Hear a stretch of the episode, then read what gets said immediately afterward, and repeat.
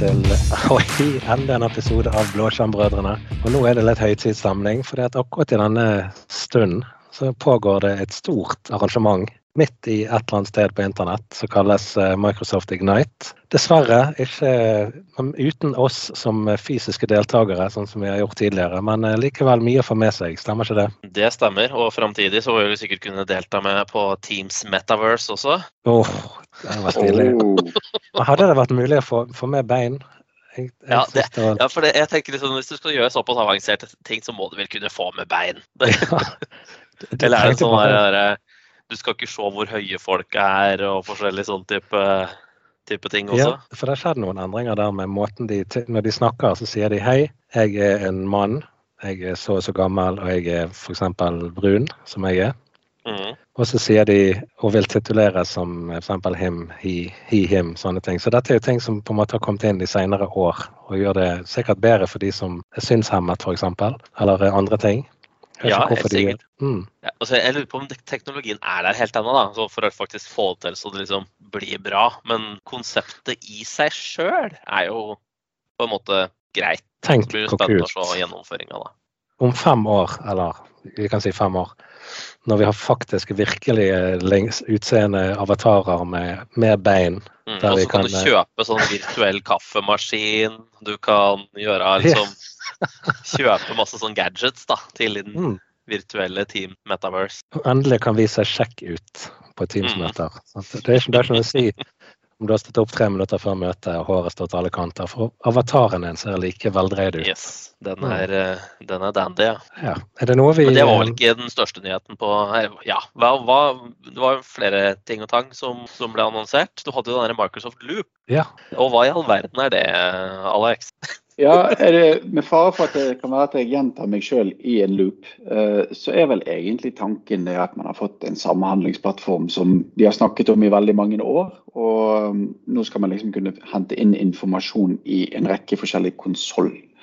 Eh, og prosessere informasjonen som den er der den er, uavhengig av applikasjon. da.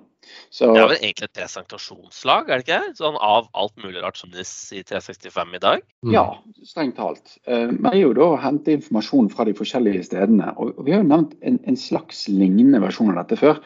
For de som kjenner til Microsoft Docs, så kan man eh, lese dokumentasjon og oppsett og konfigurasjon og virkemåte til Microsoft-produkter. Og Går du inn på Microsoft Learn, så henter de bl.a. informasjon fra dere. Eh, så man ser at informasjonen som ligger forskjellige steder, blir gjenbrukt. Eh, og Det er en fantastisk måte å sørge for at du bare må dette informasjonen på én plass, men brukes flere. Ja, det er et poeng. Så jeg har, jeg har ikke sett noen lisenser opp med sånn, men at det her regner med å være en del av på en måte basis office i alt, alle mulige rart av skur. Ja, vi hadde jo en sånn interessant eh, nærmest sånn døgnflue som het Sway. Som var ja, å, takk. Det var, jeg har så lett etter det. Hva var det det pokkersproduktet het igjen? Og det, var jo det, var det. var det at jeg snakket litt med Olav om dette her forleden dag, og vi kom ikke på hva det het. Og plutselig her forleden så var det bare ah, Sway heter det. Så sendte han bare melding der det sto Sway, og han lurte på hva jeg mente.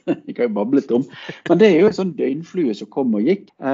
Eh, men Pål Erik hadde jo faktisk en, en, eh, presentasjon i Sway som han hadde funnet på nett om uh, security unsung.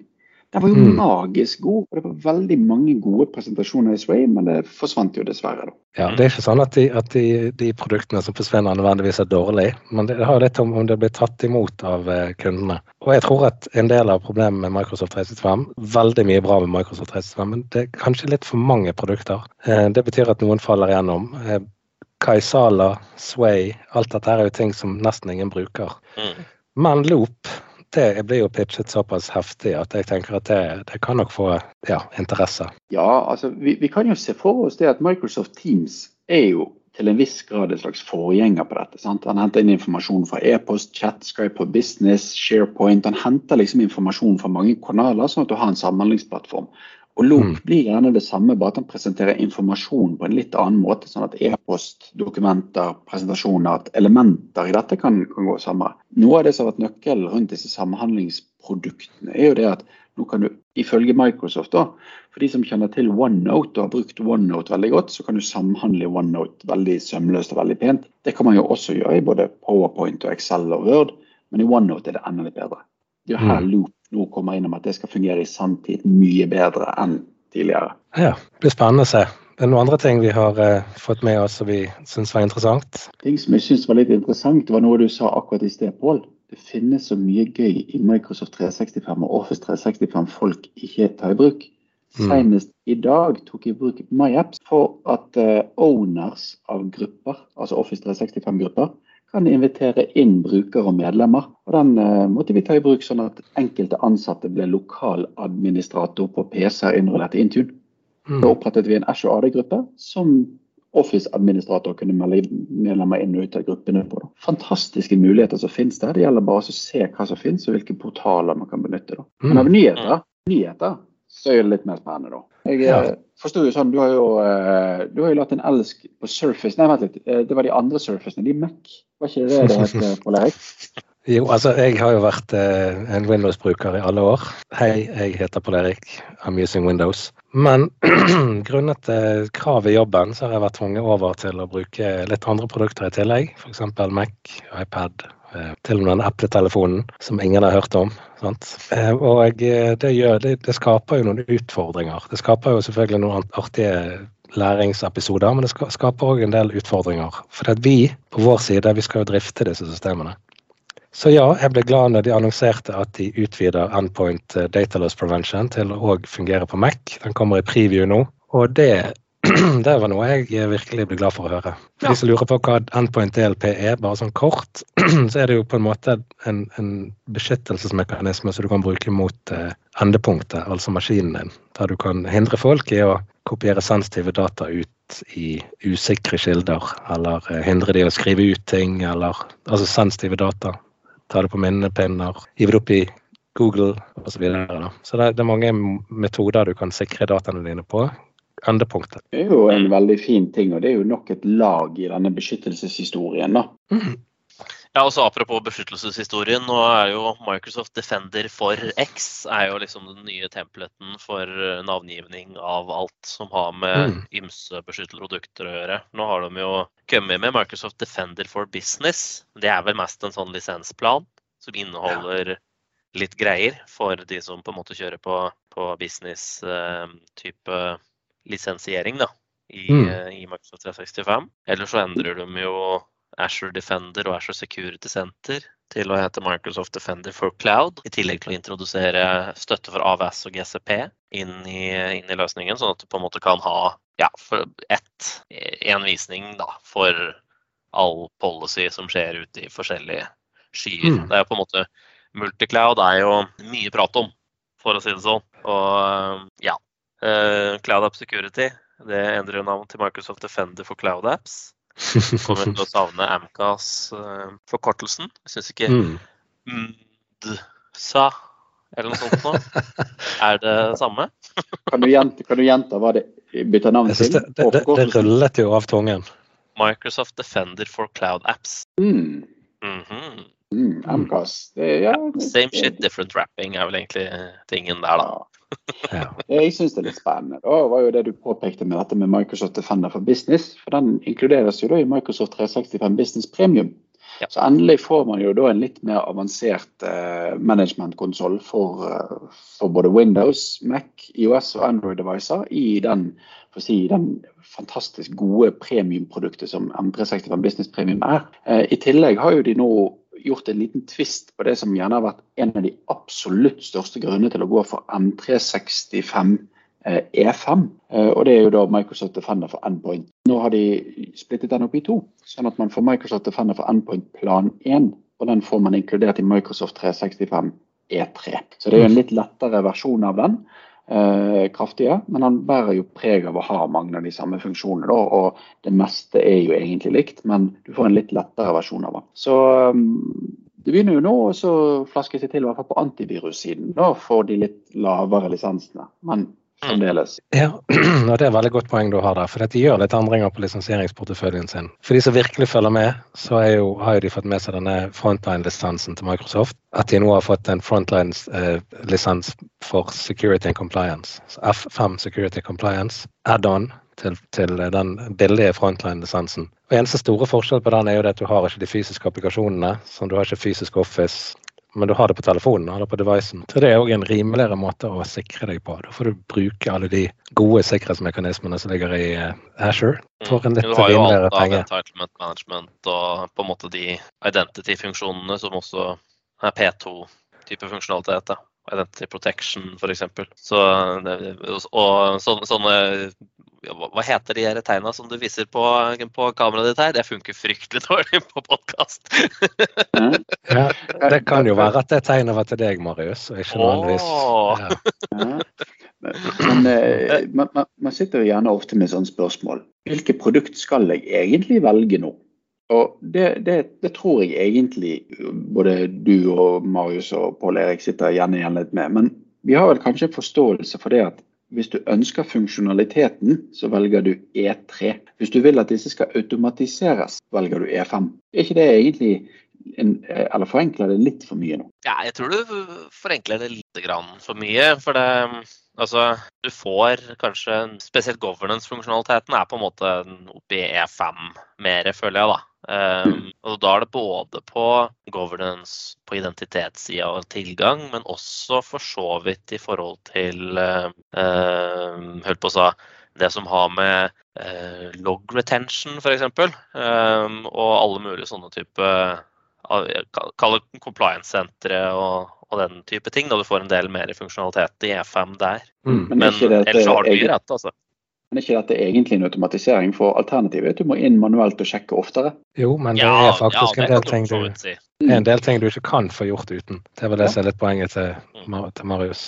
Ja, Nei, så, så, det er absolutt en, en stor verdi i E5-suiten. Men, uh, men, man ser det at man er ikke lenger bundet til å måtte gå til E5 fordi at man får flere og flere funksjoner ned i, selv om det er en strippet utgave får man flere og flere funksjoner i E3. Og det er jo en god ting. Absolutt. Ja, men jeg må jo si E7 eller et eller annet sånt nå kommer, for det er jo bare spørsmål. Microsoft er jo avhengig av vekst, ikke sant. Det er jo på børs.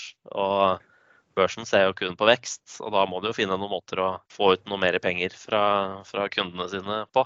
Mm. Er det noen andre store endringer vi har sett, sånn, eller er det mye små justeringer på eksisterende produkter som går igjen? En litt sånn snacks på Asher av det. Det er ikke noen store ting jeg vil jeg si. Men uh, det ene går jo på at uh, de utvider conditional access til også å kunne gjelde Eh, ja, workload identities, som er det begrepet de driver og bruker nå. Da. Det vil mm. si at du kan eh, Eller tidligere så har du hatt det sånn at hvis du har hatt et service principle eller en eller annen app, da, altså ikke en bruker, men det er jo, det er jo på en måte en bruker, eh, mm. og du har en client ID og en secret for, til den, så har du egentlig da har du hatt tilgang. Uansett hvor du har 70. mens nå kommer det en del muligheter til å kunne, kunne begrense det. Både da hva de kan autentisere mot av tjenester. Så du kan f.eks. si at den frontenden her kan kun autentisere mot den og den backenden. Eller eh, alle applikasjoner i Europa, eller i Norway East. Da mm. Azure Datasenteret f.eks.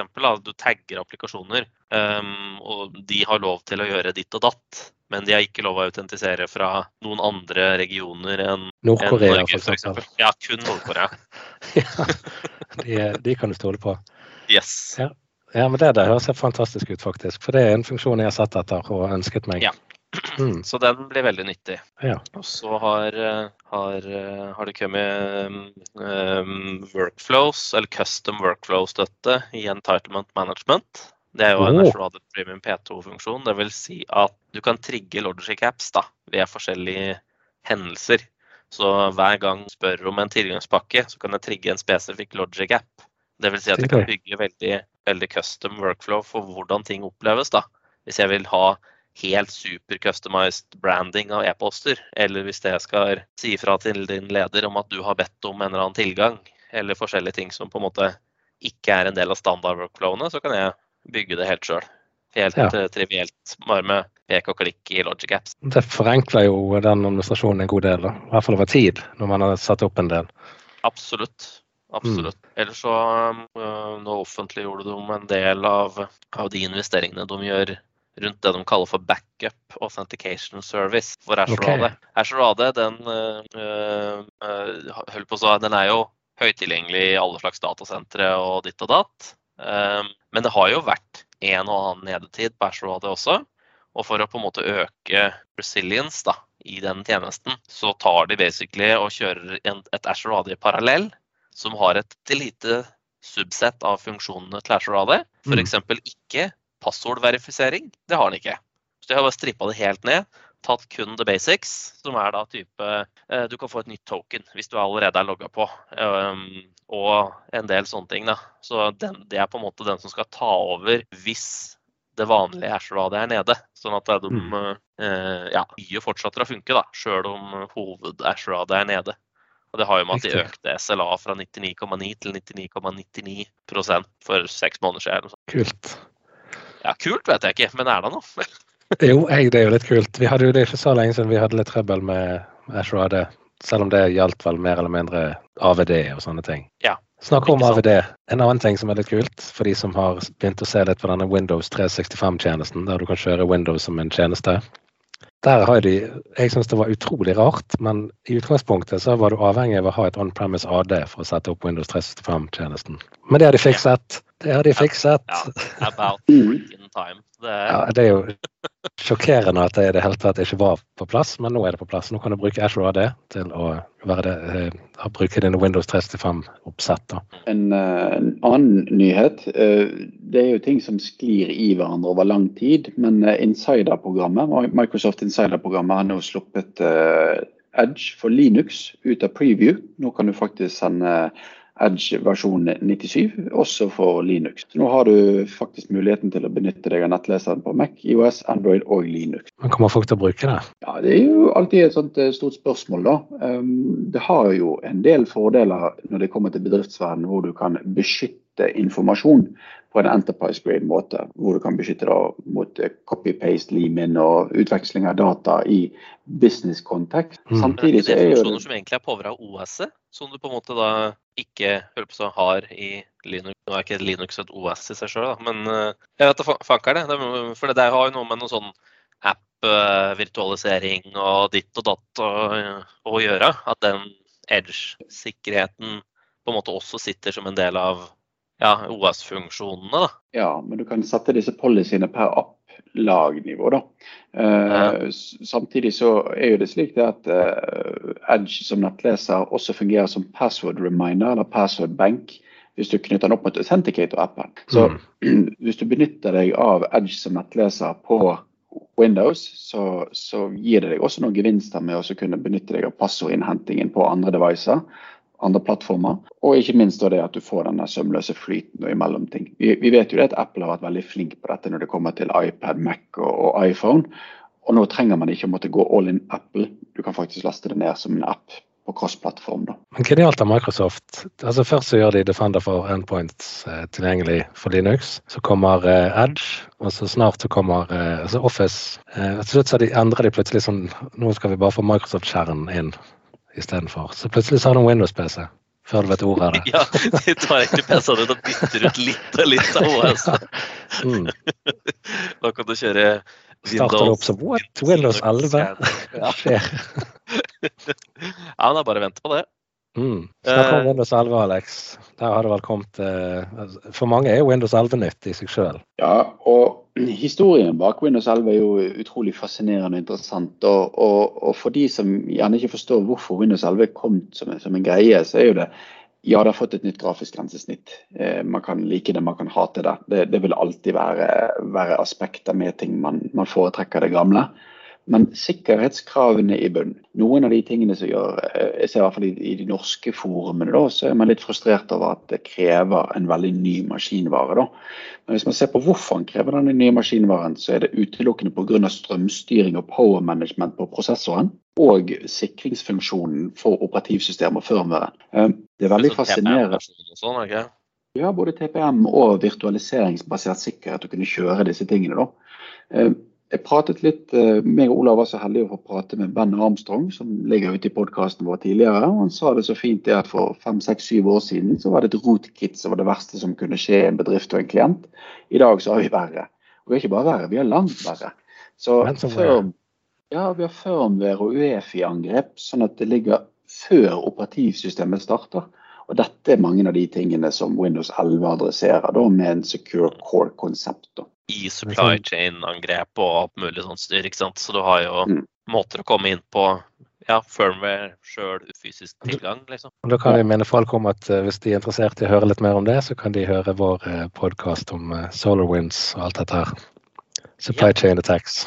Mm. Mm. Så det kommer jo endringer i både hvordan uh, Windows og med det gjerne drivere oppdateres. Så hele stekken får jo en fornyelse, og det jobber jo med disse tingene. Så det er ikke bare at uh, startmenyen er senterplassert og et nytt uh, grafisk skall på toppen. Det er en rekke funksjonaliteter som kommer på topp også. Og jeg er veldig spent på å se lanseringen av støtte for Android-apps når det kommer. Men det, det, er ikke noe som ligger i pipen ennå. Nei, Men de, de har jo beholdt Windows 10-navnet hvor lenge nå?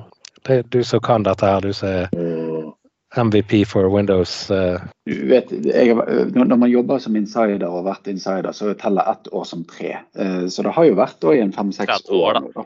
Ja, så, ja, ja 30 menneskeår og, og, og ja. Nei, så, så, det har jo vært i en fem-seks år, så det er jo unektelig det at, at Windows 10 ikke kan si, ses på som en flopp. Uh, og det er jo det som bygger videre til å være Windows 11. Mm. Jeg liker jo godt Windows 11, men jeg, altså, det har ikke noe med de grafiske endringene å gjøre. Det betyr veldig lite for meg. Men uh, jeg syns det fungerer fint, rett og slett. Men det gjorde Windows 10 òg. Se hvor enkel jeg er. er liksom du syns ikke... også ME var greit, ikke sant? Ja, Vista. Fantastisk. 95. Helt magisk. NT. Herlighet så bra det var. NT351. Så er ikke vanskelig. Men jeg tenker vi går jo, vi går jo imot et sånt altså En ting har skjedd nå under pandemien. Det er jo det at vi har jobbet mye hjemme. Eh, de verktøyene vi bruker med å jobbe hjemme, de har utviklet seg. Men det er jaggu meg angrepene òg. Så det er klart det at vi trenger eh, et bedre OS, vi trenger bedre styring, vi trenger bedre sikkerhet. Samtidig som disse menneskene som prøver å angripe oss, eh, får bedre verktøy og bedre kunnskap og alt. Så jeg, eh, jeg ønsker Windows 11 velkommen og håper at det kan hjelpe oss med sikringen. Ja, Apropos angrep, selv om de ikke har noe med Ignite å gjøre. da. Vi har jo en kommune som fikk en fin bot her i forhold til uh, Identity allerede, eller var det ikke det? Husker jeg ikke. Nei, jeg tror ikke vi har det, faktisk. Så fortell litt om det. Eh, ja, det kan jeg prøve på, i hvert fall. Men var det fire mil eller noe sånt nå? Østre Toten fikk, fikk i bot. Uh, og hovedgreia var vel på en måte mangel på logghåndtering og en del, en del sånn tekniske grunner, liksom. Og du skulle egentlig fått en mye større bot, men det var på en måte mengden de mente var riktig ut ifra kommuneøkonomien, da. Mm. Eller noe sånt. Da. Mulig jeg butcher ja. hele greia. Men uh, det viser jo at uh, kommunene må ta IT-sikkerhet seriøst. Da. Eller så, eller så, for nå, nå, har de på en måte prøvd å statuere et eksempel. Jo, jeg føler jo at det, er, det, blir litt sånn på hoggestabben. Da. At jeg mm. mener jo at en mye bedre approach her hadde jo vært pålagt de og bare sagt at vet du hva, de fire mil her, det er IT-sikkerhetspenger dere skal bruke på deres eget system. Det hadde vært en mye bedre løsning. Mm. Ja, men, er, men, så skjønner jeg også hvorfor de ikke kan gjøre det. For det er jo liksom Ja, men da, da, får, vi, da får, bare alle slappe inn sånne ransomware-angrep, da, som får noe mer, mer på budsjettet for IT-sikkerhet uh, neste år. Så, men det triste, det, det triste med akkurat dette er at de var jo ikke så mye dårligere enn mange andre. Nei. Dette var de som ble angrepet. Ikke sant? Hva er hovedgrunnen til at du blir, at eh, du blir eh, angrepet? Uflaks. Mm. Det... Du, var, du, var, du, var, til rett sted til feil tid. Ja. så, Helt riktig. Men det gir jo folk en sjanse til å se at OK, dette kostet så og så mye, nå må vi jammen få tak i tingene her. Nå må vi ta mm. årene. Ja. Så kanskje det har den effekten. Vi håper jo det. Jo Problemet er jo at det, det kan jo hende at altså, tiltakene som folk gjør, da, ikke nødvendigvis er de riktige tiltakene. At det, det, er lettere å vise at du har kjøpt utstyr og, enn at det du på en måte faktisk har gjort om på prosesser og, og fiksa at det du har privileged access og, og, håndterer det på en skikkelig god måte og, og mm. sånne ting. da. For det, sikkerhet, altså sikkerhetsprodukter, dritdyrt. Um, men å på en måte implementere gode prosesser rundt sikkerhet, basically gratis. Mm. Men det er veldig lett å si se den flotte Palo Alto-brannmuren vi har kjøpt her nå. Den har alle ja. disse funksjonene. Og så gjør du ingenting med alt det andre. Ja. Ikke noe, altså Palo Alto gode greier. Det er ikke det jeg sier. Jeg sier akkurat det samme som deg. Altså, det må gjøres noe med rett og slett måten vi tenker på. Mm. Måten vi jobber på. Og så benytte de tingene som vi snakket om i sted. Conditional access og Defender og alt dette. Eller tilsvarende fra andre produsenter. Mm. Det, ja, mm. absolutt. Og gå litt bort ifra hvor det, du kommer inn på én server i miljøet, og da har du tilgang til alt annet i hele miljøet. Du, Lateral movement. Ja. At du finner eh, gode måter å isolere og sånt på. Da. Jeg synes det du sa i sted var veldig presist. Og dette har jo vært eh, til vår bror som ikke er med i dag, Olav sitt kjernebudskap. Det gjelder jo å vite hva du skal løse og hva du skal sikre. For hvis du bare implementerer en sikkerhetsfunksjon, så kan du like gjerne si det at som et mottiltak mot angrep, så skal du prøve å gi ørefik til en gorilla. Veldig effektivt å gjøre han sur, men det er veldig lite effektivt for å hindre et annet angrep som kommer i veldig nærstående framtid. Mm. Den kom veldig raskt, Alex. Har du tenkt på snakke, Tenker du på å skade dyr på den måten? Det liker jeg ikke. Nei, det er av og til når jeg ser på deg jeg får litt lyst. du kaller meg en gorilla, ja. Ja, den er grei. Gorilla eh, Men eh, det, det er også både adressere de riktige tingene eh, på rett måte, som du sikrer rett produkt på rett vis, er én ting. Men også å gi tilbakemeldinger på ting du føler ikke stemmer. Det gjelder, kan være problemer du finner på Palo Alto-brannmuren siden dette kom opp, men også i Windows og andre scenarioer. Jeg eh, hadde jo en case der vi så det at det å suspende bitlocker, det var å slå av bitlocker eller deaktivere bitlocker. Hvilken av de setter den på pause? Så språklig oversettelse er rett og slett ikke god nok alle steder. Funksjonene har bugs, og det er også å finne de riktige tingene. Da. Jeg husker det var veldig slående. Jeg hadde en Siemens mobiltelefon tilbake igjen til når det var begynt å bli dynamisk lagringskapasitet på telefonene. For de som ikke husker sånne ting, så var det uh, i mobilsmarttelefonens ultratidlige barndom. Skulle du ha polyfoniske ringetoner og litt sånn spill, og det hadde 50 megabyte lagring å dele på. For å sørge for at dette gikk noenlunde raskt, så kunne du defragmentere lagringen. Og Da heter det å rydde opp i eh, minnet.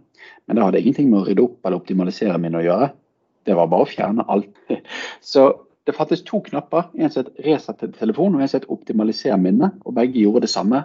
Forskjellen var bare at den ene startet telefonen på nytt i tillegg. Så språk, språkbruk er kjempeviktig. Eh, og det, det, er litt sånn eh, utfordrende. Så gi tilbakemeldinger til produsenter og leverandører på hva som finnes, er, er viktig. Mm. Indeed. Indeed. Utover det så kan jeg jo nevne at det, det kommer det er virkelig helt tydelig at Microsoft satser mye på compliance-biten sin nå. Det kommer en god del endringer i, i mulighetene vi har i compliance-senteret, som går på information protection, data loss prevention, alt dette som jeg brenner litt for. Så der er ikke det utenkelig at vi kjører en podkast på det i nærmeste fremtid. Og kanskje noe på identity-biten òg, Marius? Mm, absolutt.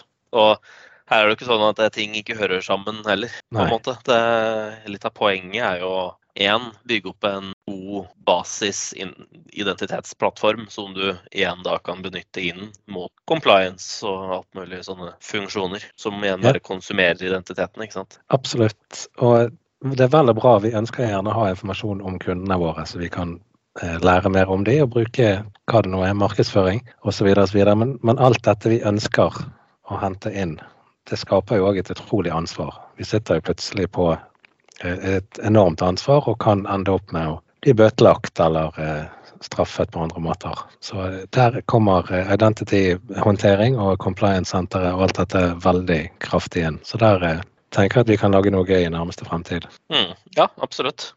Mm. Da, har jeg, da, har alle folk fått høre på planleggingen vår også. Det er bra. Ja, ja, absolutt. Jeg, kanskje vi kan ta oss og runde litt av med den, og så oppfordre lytterne våre til å høre hva fra årets Ignite er det gjerne du kunne se for deg å ha et litt ekstra dypdykk i? Mm. Og Husk at veldig mye av dette det kan ses on demand. Så om ikke du orker å sitte klokken eh, halv elleve om kvelden og se på et eller annet, så kan du gjerne se det dagen etterpå. Eller om en uke.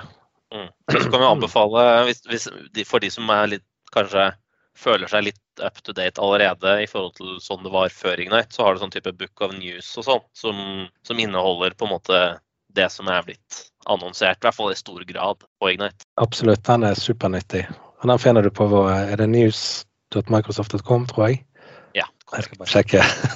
og faktisk ja, det, det. at du finner den på Bing hvis du bruker Edge. Nei, det har ikke jeg tro på. yes. Ja. Nei, men da avslutter vi. Supert. Takk, takk, for, takk, for, oss, og takk for at du hører på. Mange takk. Hei, hei.